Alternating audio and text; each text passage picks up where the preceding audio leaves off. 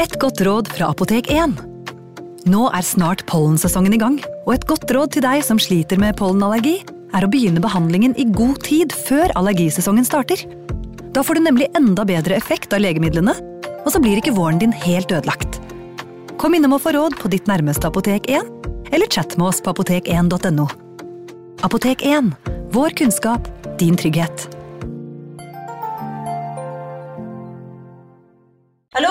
Jeg kommer fra Oslo politikammer. Ine Jansen er purk. Er du purk? The motherfucking bitch. Alt jeg vil, er å finne ut hva som skjedde med mannen min. Jon Carew. Er jeg sikta for noe? Iben Akeli. Det er du. Ole So, Lars Berrum og Big Daddy Karsten. Hvem sin side er du på, egentlig? Anette Hoff, Tone Danielsen, Kommer du fra Afrika? Jørnis Josef, Nesten. Kløfta. Trond Espen Seim, Det er synd å si det, men det var feil mann som døde. Purk. Premiere tirsdag på TV2 Play. Advarsel. I denne podkasten vil du høre historier basert på informasjon programlederne har funnet selv. Programlederne står ikke nødvendigvis inne for meninger og syn som fremstilles. Noen påstander kan avvike fra virkeligheten.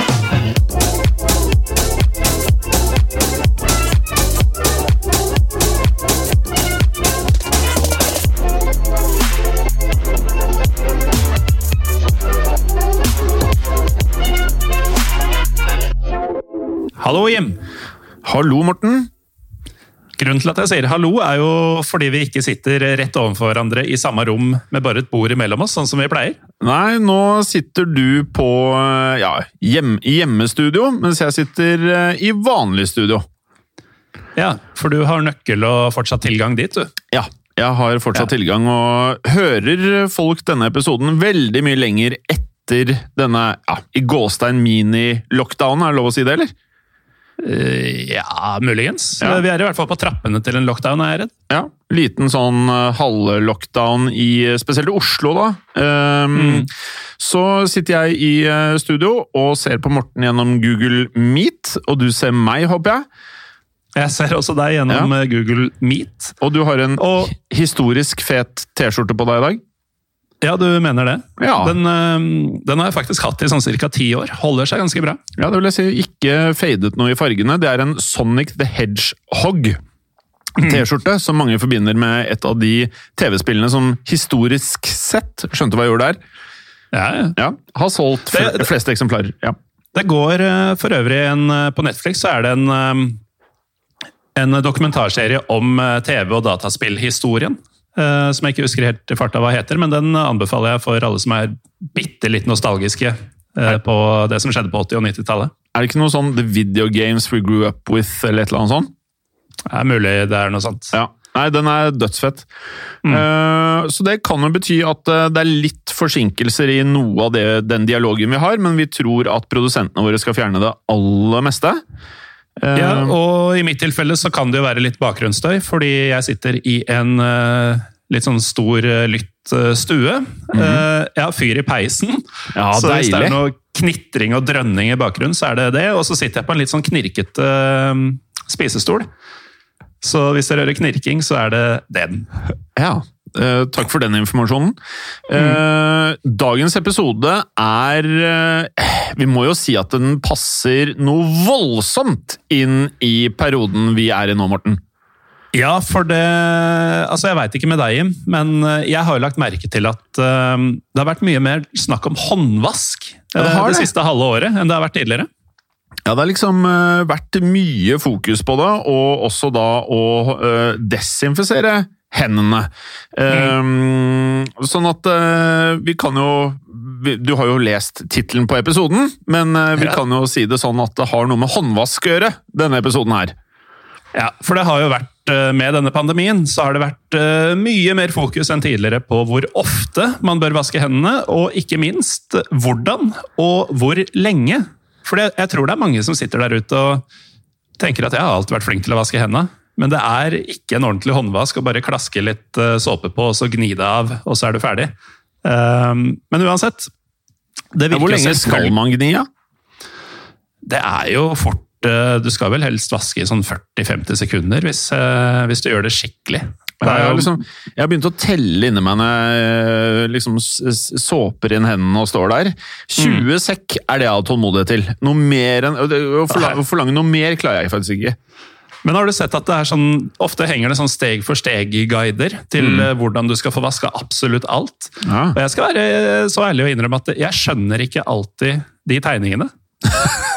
Jeg tror ikke jeg har skjønt det helt sjæl, heller. Nei. Men uh, ja, nei.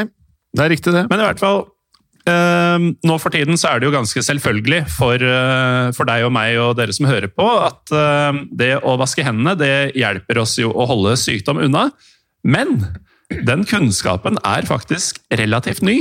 Ja, det er den. Og det er litt sykt at den er relativt ny. Eh, når det er sagt, så har vi tidligere vært innom temaet tema om håndvask som eh, et medisinsk hjelpemiddel, om man kan kalle det det. Og det var jo i vår legendariske eh, episode om tyfus-Mary. Som eh, var da en asymptomatisk bærer av tyfusfeber, og spredte da denne sykdommen til andre mennesker fordi tyfus-Mary ikke vasket hendene før hun da kokkelerte disse deilige var det mangopaiene. Ja, Mango-iskrem, tror jeg det var. Ja, mangoiskrem var det, ja. Men i hvert fall, eh, vi nevnte jo en bisetning i denne episoden eh, som jeg anbefaler å gå tilbake og høre, for dere som eventuelt har kommet til siden da. Eh, Vi nevnte da at eh, håndvask var relativt fersk teori tidlig på 1900-tallet, og at den ikke hadde slått helt an blant eh, arbeiderklassen og vanlige folk ennå. Og det var jo derfor det ikke falt uh, tyfus-Mary inn å vaske hendene.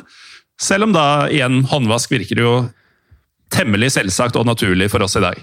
Ja. I denne episoden snakket vi også om eh, mannen som eh, formulerte dette med at eh, håndvask hjalp mot å unngå sykdom. Vi refererte til han den gang, og kommer til å referere til han i dag, som håndvaskens far. Og hvorfor syns du det er så gøy å bruke ordet far eh, Jo, det- når du snakker med meg, Jim? Det kan jeg fortelle dit hen at eh, du blir jo kalt for far. Ja. Av veldig mange. Ja, det, det er en merkelig greie, det. Men Du ser jo ut som en far. jeg har litt sånn pappakroppen og greier. Ja, du har alt inne. Mm. Men eh, i hvert fall i den episoden så ble vi jo enige om at uh, det, det, det var denne episoden nødt til å hete. At eh, vi måtte ha en episode som heter 'Håndvaskens far'. Uh, og dette er jo da en kuriositet om selveste håndvaskens far, uh, som var doktor Ignas Semmelweis. Eh, og nå i dag så vet vi jo at å gni inn hendene med såpe og vann, og deretter skylle, det fjerner bakterier fra hendene våre. Og Grunnen til at vi vasker akkurat hendene våre så mye, er jo at vi mennesker bruker hendene til alt. Vi, eh, vi tar på ting rundt oss, vi bruker hendene til å tørke oss med papir når vi har gjort vårt eh, fornødne på toalettet, og vi tar oss i ansiktet hele tida. Man håper i det minste at folk vasker hendene etter å ha vært på toalettet. Mm. men eh, ja, ikke sant? Eh, dersom vi da får bakterier eller virus på hendene våre, f.eks. fra spor av avføring fra mennesker eller dyr, eller, mm, eller ved at vi tar på noe som et sykt menneske har hostet eller nyst på, så kan vi også da bli syke, selvfølgelig. Og som vi var inne på i pandemitriologien vår, som kom ved det man kan kalle en lockdown i Norge, som var vel i mars, var det ikke det? Ja, sånn mars-april, Ja. eh, da det var lockdown på ordentlig. Ja. Da tar vi da mm, Det vi kom frem til, i hvert fall, var at mennesker øh, og folk generelt tar seg i ansiktet, som du sier, utrolig ofte.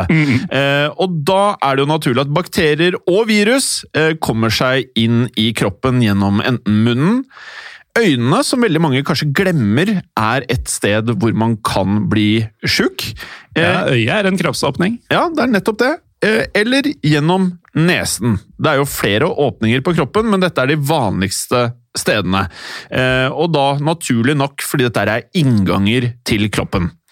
Og deretter kan da bakteriene eller virusene da begynne å jobbe og, og, og destruere kroppen vår. Og som man da skjønner, så er jo hendene våre ganske sentrale bærere av eh, sykdom. Men igjen, dette har da ikke alltid vært eh, åpenbart, og faktisk så skal vi ikke lenger tilbake enn til midten av 1800-tallet for å møte doktor Semmelweis og hans på den tiden radikale håndvaskteori. Og det er da mindre enn 200 år siden ingen gadd å vaske noe som helst. Så håndvaskens far, han var en viktig far. Eh, men det som var spesielt med akkurat denne tiden, var at det vokste frem en god del tanker rundt dette med sykdom, som eh, noe man kunne samle data om og altså da forske på. Den dominerende tankegangen hadde lenge vært at sykdom kom av en ubalanse skapt av dårlig eller forgiftet luft, eller rett og slett at det var onde ånder på ferde som da var grunnen til at man fikk mye sykdom. Onde ånder er jo en greit sånn uh, beleilig forklaring, da, hvis du syns det er litt stress å vaske hendene. Men uh, selv om det er en enkel forklaring, så um, er den ikke spesielt tilfredsstillende. Da. Og da dr. Semmelweis eh, levde, så hadde medisinfeltet blitt litt mer prega av fokus på anatomi, altså hva som skjer i kroppen, og det å samle inn mye informasjon for å forsøke å finne sammenhenger en mye smartere fremgangsmåte når man forsøker å finne ut mer om sykdom. Disse nyere retningene innen medisin påvirket også Semmelweis. Han var en ungarsk lege som utdannet seg blant annet i Vienna, eller Wien. Etter utdannelsen fikk han seg en jobb som lege ved sykehuset Allgemein Krankenhaus i Wien. Krankenhaus. Krankenhaus i 1846, og dette sykehuset hadde to store fødeavdelinger. Og på disse to store fødeavdelingene så var det noen store forskjeller. Den ene avdelinga var nemlig kun for um, overklassekvinner, altså velstående, gifte kvinner som skulle føde. Og De fikk jo da tilsyn av utdannede mannlige leger, og disse legene pleide å undervise medisinstudenter om morgenen. Og Disse medisinstudentene de assisterte også legen under fødselen. På den andre fødeavdelinga der lå alle kvinnene fra arbeiderklassen, de som da ikke kom fra velstående familier. Og de måtte nøye seg med tilsyn fra jordmødre, mens legene da konsentrerte seg om de rike fruene. Ja, på dette sykehuset foregikk det noe merkelig. På den ene avdelingen, den for de rike fruene som legene tok seg av, så døde som oftest mellom 13 og 18% av alle de fødende kvinnene av eh, barselsfeber. Dette er en infeksjon som oppstår pga. bakterier, selvfølgelig. Og på denne tiden var ikke bakterier kjent for legevitenskapen, og derfor visste man heller ikke spesielt eh, mye om hva barselsfeber kom av. Og Det som var ekstra merkelig på dette sykehuset, var at den andre avdelinga, den for vanlige kvinner som ble tatt hånd om av jordmødre, der var det bare 2% av kvinnene som døde av barselfeber. Så det var 18% dødelighet på den ene avdelinga og 2% på den andre, og det er jo en rimelig eh, stor forskjell. Ja, og en av forskjellene her er jo kanskje litt sånn kontraintuitivt for mange. Altså De som angivelig skulle ha det best, ble eh, verst rammet. Og de som angivelig skulle hatt det verst sånn med tanke på klasser her, fikk det, eller kom best ut av statistikken. Mm. Eh, og det har vært eh, typisk opp gjennom historien at det er den fattige arbeiderklassen som lider mest under sykdom, og at det er de rike som klarer seg best fordi de da har tilgang på bedre hjelp og også bedre hygienetiltak. Men her døde altså de velstående kvinnene, som da ble behandlet av leger i langt større grad enn arbeiderkvinnene som fikk jordmødre. Dette var jo meget merkelig, og Semmelweis undret seg veldig over denne store forskjellen. Ingen på sykehuset hadde noe godt svar på hvorfor det var slik, men eh, de forska heller ikke på det. Semmelweis derimot, han var en eh, vitenskapens mann og bestemte seg for å undersøke saken nærmere på metodisk vis. Han gikk da nøye gjennom forskjellene på de to avdelingene for å se om det var noe han kunne forandre på som ville endre antallet døde. Ja, Han la merke til at eh, hver gang en kvinne døde på fødeavdelingen, så kom en prest gående gjennom avdelingen forbi alle sengene, mens en pleier ringte i en bjelle. Presten gikk kun gjennom den første avdelingen, den for de velstående kvinnene, for å be for den døde. Semmelweis, eller eh, håndvaskens far, teoretiserte at presten og lyden av bjellen kanskje skremte de andre kvinnene så kraftig at de utviklet en feber som ledet til død. Det der er jo på nivå med at det er onde ånder sin skyld. Ja, det er vel Ja, definitivt. Men uh, håndvaskens far, altså Semmelweis, han uh, forsøkte da å fjerne både presten og klokka ja. for å se om det gjorde noen forskjell. Og eh, ikke spesielt overraskende så, så, gjorde det jo ikke det. Det hjalp ikke i det hele tatt. Kvinnene døde i like stort antall som før, uten at dette tok motet fra, fra håndvaskens far. Semmelweis forsøkte å se etter andre forskjeller, og i avdelinga med størst dødelighet fødte kvinnene mens de lå på ryggen, mens i jordmoravdelinga fødte de mens de lå på siden. Semmelweis fikk de velstående kvinnene til å føde liggende på siden, de også, men heller ikke det hjalp. Nei, og håndvaskens far kunne da med andre ord ikke forstå hva som utgjorde den store forskjellen i antallet døde kvinner. Sånn gikk det helt til en venn av Semmelweis, legen Jakob Koletsjka, obduserte liket av en kvinne som hadde dødd av barselsfeber. Det vil si at han kuttet opp liket og kikket inni for å se hvordan kroppen hadde blitt påvirket av sykdommen. Men etter at legen hadde obdusert kvinnen, så fikk han en kraftig infeksjon som ga ham feber, og endte opp med å ta livet hans kort tid etterpå. Det viser seg da at han hadde kutta fingeren sin mens han obduserte liket, og denne hendelsen var selvsagt trist for Semmelweis, som mista en god venn og en god koletsjka, om du vil. Men den ga han også noe å tenke på. Han studerte symptomene hans venn hadde utviklet før han døde, og la merke til at de var like symptomene på barselfeber. Og akkurat dette fortalte håndvaskens far, doktor Semmelweis, at denne sykdommen ikke bare var noe som rammet kvinner som nettopp hadde født, det kunne ramme andre personer på sykehuset også. Ja. Den koletsjka, den, eh, den var du god på? Ja, den så du ikke komme. Nei, den så jeg faktisk ikke komme. Han funderte videre på hva dette kunne bety. Så slo en viktig innskytelse ned i ham. En innskytelse om en enorm forskjell mellom avdelingene som han ennå ikke hadde tenkt på. Vi nevnte jo at legene på den ene avdelingen hadde undervisning for medisinstudenter morgen før de hjalp de fødende kvinnene. Og denne undervisninga gikk faktisk ut på at legen obduserte lik sammen med medisinstudentene. Og var det noe sykehuset hadde nok av, så var det lik, så da brukte de disse i undervisning også.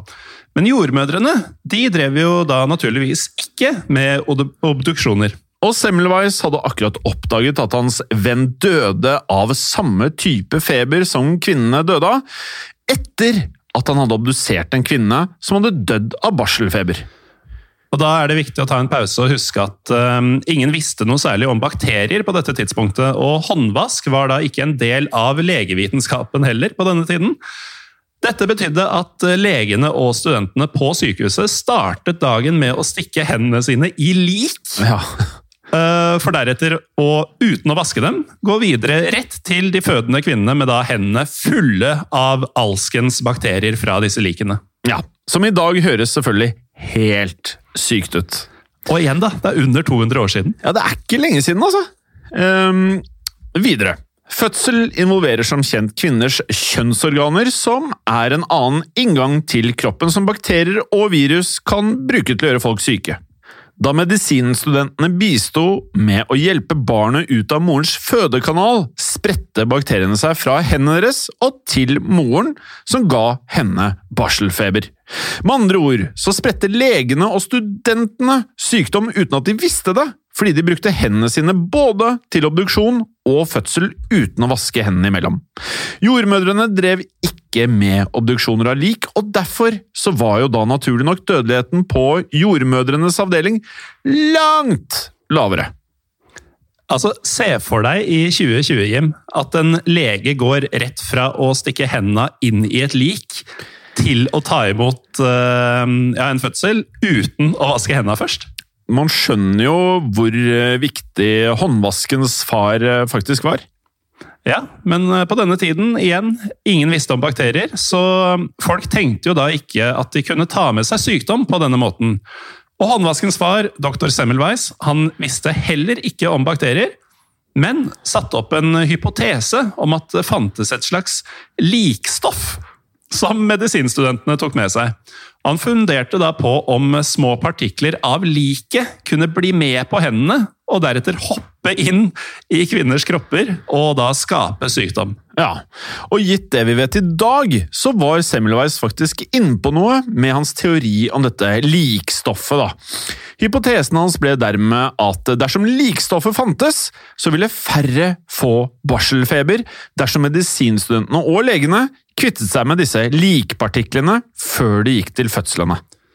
Derfor beordret Semmelweis eh, avdelingas ansatte om å vaske både hendene og instrumentene sine, og da snakker jeg ikke om trompeter, men skalpeller og sånne ting, etter at de hadde obdusert eh, lik. Og de skulle ikke bare vaskes med vann heller, de skulle vaskes med vann iblandet litt klor. Semmelweis valgte klor fordi han mente det fjernet lukten fra disse likpartiklene. Det han ikke visste, men som vi vet i dag, er at klor jo faktisk dreper bakterier. Det er et av de beste desinfiserende stoffene vi har. Og da må man jo si at uh, far gjorde et godt valg, for dette eksperimentet ga resultater. Etter at Semmelweis krevde at både helsepersonellets hender og instrumentene skulle vaskes, falt antallet døde av barselfeber dramatisk. Dødeligheten sank til omtrent 1 og det er jo såpass dramatiske og fantastiske resultater at en skulle tro de eh, ville begeistre legeverden. Men eh, dessverre så ender ikke denne historien lykkelig for, eh, for far. Um, vi vet jo at Semmelweis hadde helt rett i dette med å vaske hendene. Selv om vi i hverdagen nå bruker vanlig såpe i stedet for klor. Men legene var rett og slett ikke særlig blide, de, over fars arbeid. Nei. Håndvaskeeksperimentet begynte i 1847, og i 1855 ble Semmelweis professor i fødselsmedisin. I 1861 publiserte han en vitenskapelig fremstilling av teorien hans om barselfeber i et verk kalt De otiologi der Bergriff und die Prophylaxis des Kindbettfiebers. Det viktigste er at du prøvde, Jim. Ja. Um, Dr. Semmelweis han fortsatte å forkynne håndvask som et eh, middel mot eh, barselfeber, både før og etter eh, utgivelsen av dette verket kalt Die etologi, der Begriff und die Prophylaxis des Kindfettfibers. Åh, oh, du var ganske mye bedre enn meg, ja. Ja, Men jeg bomma på slutten her, da. Du er, sånn, du er god på tysk generelt. Ja, kanskje jeg skulle prøvd å lære meg det? Ja, du kunne blitt god, føler jeg, da. Ja, kanskje jeg skulle prøvd. Uh, uansett, både før og etter utgivelsen uh, De fleste leger tok han ikke alvorlig. De mente at han ikke hadde håndfaste bevis. For man kunne ikke se dette likstoffet med egne øyne. Og legevitenskapen var svært opptatt av at kun det man kunne oppdage med sine egne sanser, var sannhet. Altså, hør på det her! Dette var legevitenskapen! Det er helt De, sinnssykt. Ja. Eh, dette var jo da en slags motreaksjon da, til, de, til de tidligere tankene om onde ånder og sånn, som da jo du absolutt ikke kunne se. Nei. For alt Semmelweis hadde, var egentlig en korrelasjon. Dvs. Si at han hadde oppdaget at eh, dødstallene gikk ned samtidig som helsepersonellet vasket hendene. Det han ikke hadde, var bevis for at det fantes en type likstoff. Nei, og en skulle jo tro at noen i det minste syntes dette var verdt å studere nærmere, siden Semmelweis tross alt hadde fått dødstallene til å synke såpass dramatisk. Men det var en annen grunn til at leger ikke ville ta teorien til Semmelweis alvorlig, og den hadde ikke med medisinvitenskap å gjøre, men med menneskers egen stolthet og selvbilde. Legene ble nemlig svært opprørte over at hypotesen til Semmelweis foreslo at det var legene selv som ga barselfeber til kvinnene de behandlet. Ja, Og dette var eh, ikke noe de ønsket å akseptere, fordi det skadet, mente de, legenes rykte og også status som helbredere. Og det kunne da ikke se bra ut for offentligheten om det kom frem at legene selv var skyld i sykdommen. Og dette kunne jo ikke legeverden ha noe av. Det var fullstendig uhørt at Semmelweis foreslo akkurat dette. Her snakker vi menneskelige svakheter, og da også selvopptatthet, må vi jo kunne si, som da hindret i dette tilfellet nok en gang viktige fremskritt i å få gjennomslag. Ja, og det gikk faktisk så langt at uh, legene på sykehuset i Wien de slutta etter hvert å vaske hendene. Og Semmelweis han fikk sparken fordi han da raste høylytt i offentligheten mot de som var eh, uenige med han.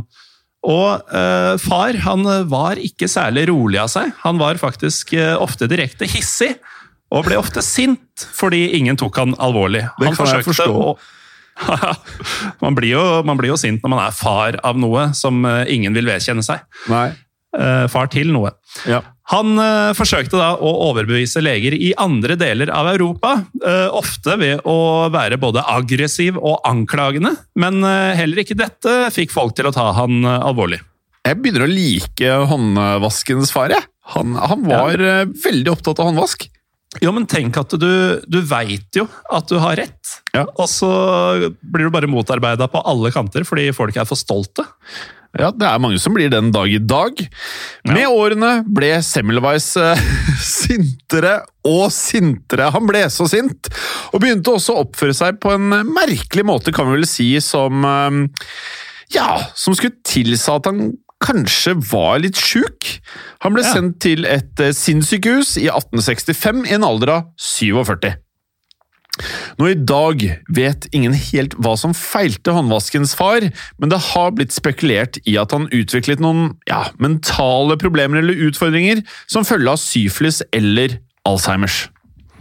Og på den tiden så var ikke mentalinstitusjoner eh, noen trygge steder å være, for å, for å si det mildt. Det var mye mishandling av pasienter, og ikke lenge etter at han kom til institusjonen, så døde dr. Semmelweis. Og selv om man ikke vet nøyaktig hvorfor på det punktet heller, så antar mange at det var de dårlige forholdene i datidens mentalinstitusjoner som forårsaket hans død. Semmelweis og eh, teori om håndvask ble så glemt, i hvert fall for en stund, for vi vasker jo da hendene i dag, så noe må jo ha skjedd etter dette. Ja, noe må ha skjedd. Eh, Utover 1860- og 1870-tallet så begynte flere leger å forske på saker som blodforgiftning under kirurgiske operasjoner, og etter hvert også mikrobiologi, altså læren om mikrober som er så små at vi ikke kan se dem med det blotte øyet. Altså i strid med det som ble sagt i stad, at eh, kan du ikke se det, så er det ikke sant. Og da fant flere leger frem til eh, fars verk med det lange navnet, som vi ikke orker å si en gang til, og undret seg over om hans teori om håndvask faktisk hadde hatt noe for seg. Ja, og etter det kom stadig flere oppdagelser innen bakteriologi, eller læren om bakterier. Da ga plutselig Semmelweis arbeid langt, langt mer mening, og håndvask ble satt på agendaen. I dag vet vi jo at det er svært, svært viktig med håndvask, og at det er et godt hjelpemiddel for alle som ønsker å forhindre sykdom, eller at sykdom skal spres. Enkelt og effektivt. Ja, og det er altså, Jeg klarer ikke helt å få huet rundt at dette er såpass nytt som det er. Ja. Uh, og at det ikke var eh, særlig kjent eller utbredt blant vanlige folk som, som tyfusmerry da, i 1907 en gang. Altså, det er jo bare litt over 100 år siden. Og det er vel en av de tingene som eh, kanskje går mer og mer opp for oss for hver eneste uke, Morten, med Historiepodden, at man blir jo litt sånn Tid blir jo ekstremt relativt når man merker at det er liksom de siste 100 årene at det har skjedd ekstremt mye Mm. uh, nyvinninger og nye måter å tenke på, mens før det så gikk det veldig treigt. Det gjør det. Og de enkleste ting i dag, de, de var helt umulige å tenke seg fram til for bare 100-150 år siden. Det som er litt synd når vi eh, sammen med vår tekstforfatter Ellen eh, så på håndvaskens eh, far og hans hi historie, så er det jo at nummer én så fikk jo Semmelweis aldri se hvor viktig hans oppdagelse skulle bli for verden og all fremtidig historie. Mm. Men det andre er jo da også at han blir jo sett på som litt gal. Han var jo litt sint og hissig og alt dette her, mens han bare hadde ekstremt øh, Ja, han var veldig overbevist om at han hadde rett. Ja, som han jo hadde. Ja, som han hadde. Og dermed så føles det kanskje litt ekstra deilig å hylle han litt her i Storebåndet i dag. Ja, det, det gjør det. Og, og, ikke minst så var det veldig lærerikt. Fordi, eh, som vi sa innledningsvis og sagt mange ganger, det å vaske hendene er en selvfølge for oss, men det er altså en ganske sånn lang og vond historie bak hvordan dette i det hele tatt ble en, en greie. Og så er det jo ekstra deilig å treffe med tiden. Altså, nå om dagen så er dette med å vaske hendene Vi tar det som nesten sånn selvfølgelig tar det litt for gitt, men det er altså helt essensielt for at korona ikke skal spres enda mer enn det gjør i dag. Mm. Eh, og med det så føler vi at vi kanskje er med på en liten sånn påminnelse til folk der ute. Absolutt. Og um, hvis folk trenger flere påminnelser eller ønsker å ha litt kontakt med oss, eh, eller hva som helst, så må de jo ikke vente en hel uke til neste episode kommer. Nei, de kan følge oss på Instagram og Facebook, der vi heter Historie på Norge. Eller det kan bli med i Facebook-gruppen vår, Historie for alle, som vi da oppmuntrer folk til å dele enda mer artikler, bilder, ting dere har opplevd fra historien. Ikke nødvendigvis bare forslag til historiepodden, men eh, bare alt som er Det trenger ikke være noe mer enn et kult bilde fra historien engang, eller en kul film du har sett som eh, omhandler historie, eller bare eh, hvor ofte ser man ikke filmer fra andre verdenskrig, første verdenskrig, eller eksempel favorittserien min akkurat nå, Peaky Blinders, som er da i Brighton, nei, Birmingham etter andre verdenskrig i England. Fantastisk serie. Det, der fikk vi inn et tips til lytterne også. Ja. Um, og både det vi har snakka om i dag, og det at du tipser om ting som ligger på Netflix, f.eks., det har skjedd. Og det kan skje igjen. Ha det bra! Ha det! I produksjonen av Historiepodden så ønsker vi å takke Håkon Bråten for lyd og musikk. Takk til Felix Hernes for produksjon. Takk til Ellen Froktenestad for tekst og manus. Og takk til deg, Morten Galesen, for programlederrolle. Og takk til deg, Jim Fosheim, for programlederrolle.